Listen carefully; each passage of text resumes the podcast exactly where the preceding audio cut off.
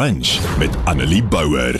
So ek gaan 'n bietjie aansluit by my maandag motivering. As jy nie maandag gehoor het nie, my maandag motivering en ek weet nie wie dit gesê het nie. Ek het probeer uitvind. So ek gaan nou maar net kan 'n uh, krediet gee waar dit hoort nie, want dit is so 'n mooi sê ding, maar dit sê dat maybe the amount of extraordinary things that happen in your life depends on what you notice. So basies sê dit, miskien is die goeie goed wat in jou lewe gebeur, die hoeveelheid ongelooflike goed hang af van dit wat jy raak sien. En dit my bietjie laat dink oor hoe 'n mens die lewe sien en wat ons kies om raak te sien. Nou, ruk terug het ek 'n paar jaar terug het ek 'n studie gesien waar hulle vir mense 'n bril aangesit het vir 3 dae wat die wêreld onderste bo laat lyk. En dan basies sien hulle alles onderste bo. Maar na 3 dae het hulle brein half homself omgedraai sodat hulle met die onderste bo bril als weer regop kon sien. En dit was die interessantste studie om te sien hoe jou brein aanpas by jou omgewing en besef hierdie is nie reg nie. So kom ons ek kan dit reg omdraai. Ek verstaan wat wat dit moet wees. En toe hulle die brille afhaal, het dit weer 3 dae gevat om die wêreld reg te sien. Want toe hulle dit afhaal, het hulle brein als omgekeer wat beteken hulle het alles wat regop is onderste bo gesien en moes toe weer 3 dae hulle brein kondisioneer om alles regop te sien. Hoe amazing is dit? En ek dink dis baie keer ons lewens ook. Dit gaan oor die bril wat jy aan het. Wat jy raak sien, wat jy kies om raak te sien. Einstein het ook gesê. Einstein het gesê you can either choose to think of everything as a miracle or nothing. So jy kan kies om alles as 'n wonderwerk te sien of niks as 'n wonderwerk nie.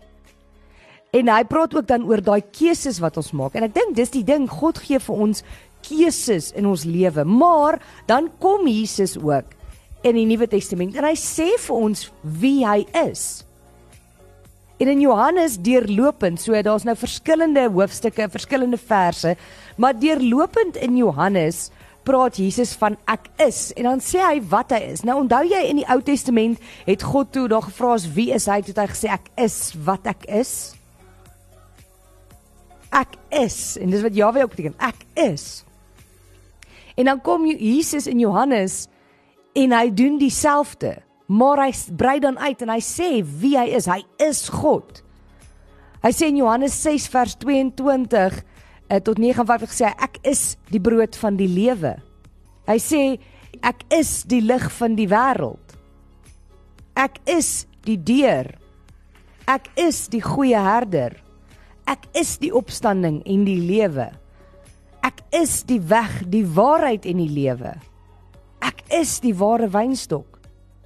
En nou is die vraag, sien ons hierdie in ons lewe? sien ons God en Jesus in ons daaglikse lewe? Of kies ons net om dit nie raak te sien nie? Kies ons om net die slegte te sien? Kies ons net om te sien wat ons nie het nie? Het ons die regte bril op wat vir ons wys dat alles in ons lewe 'n wonderwerk is. Want sien, God het jou so amazing gemaak, jou brein skei endorfine af wat jou laat gelukkig voel. Maar dit gaan afhang oor wat jy dink. Gister toevallig toe ek hier aan werk gisteraand toe het iemand wat ek ken, Salome het vir my 'n video gestuur wat ook sê dat dit wat jy van jouself sê, daai selfde ek is is wat jy in die lewe gaan begin raak sien. Maar as daai ek is lelik, ek is moeg, ek is siek, ek is wat ook al negatief is, is dit al wat jy in jou lewe gaan raak sien. Want jou brein glo jou. So as jy die regte bril op het, al is daai bril onderste bo, jou brein kan dit omdraai want jy kies om dit om te draai. So jy kan sê ek is 'n kind van God. Ek is geseënd.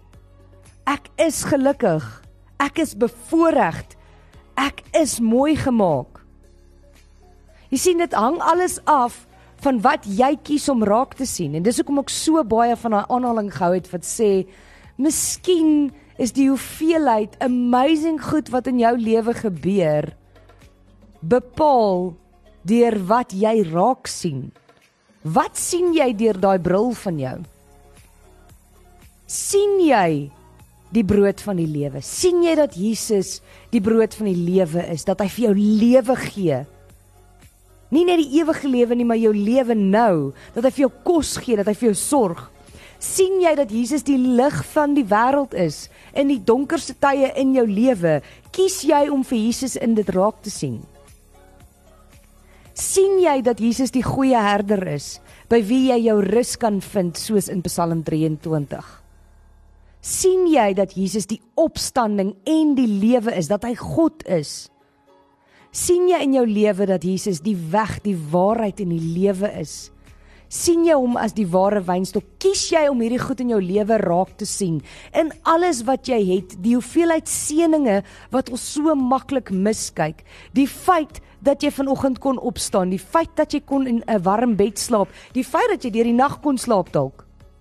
Die feit dat jy 'n werk het, die feit dat daar vir jou gesorg word, die feit dat jy familie en vriende het, 'n geloofsgemeenskap, die feit dat jy in 'n verhouding met die ware God kan staan. Jesus sê ek is. En dit is wat jy moet kies om raak te sien. Jy moet Jesus en God in alles in jou lewe sien want hy is daar. Hy is die weg. Hy is die lig. Hy is die lewe. Hy is jou versorger. Hy is jou God. En dan moet jy ook begin om so te praat van jouself en jou eie lewe. Ek is geseënd. Ek is gesond. Ek is gelukkig. Ek is bevoorreg. Ek is 'n kind van God. Gaan dink bietjie oor hoe jy deur jou daaglikse lewe dink oor jou lewe dink oor jou verhouding met God? Wat sien jy raak? En kies om God raak te sien. Kies om hom in jou daaglikse lewe te sien, kies om jou seëninge te sien, kies om die positiewe te sien. En jy gaan 'n baie gelukkiger mens wees en 'n groter verskil in hierdie wêreld maak as wat jy ooit sou kon droom. Op Groot FM 90.5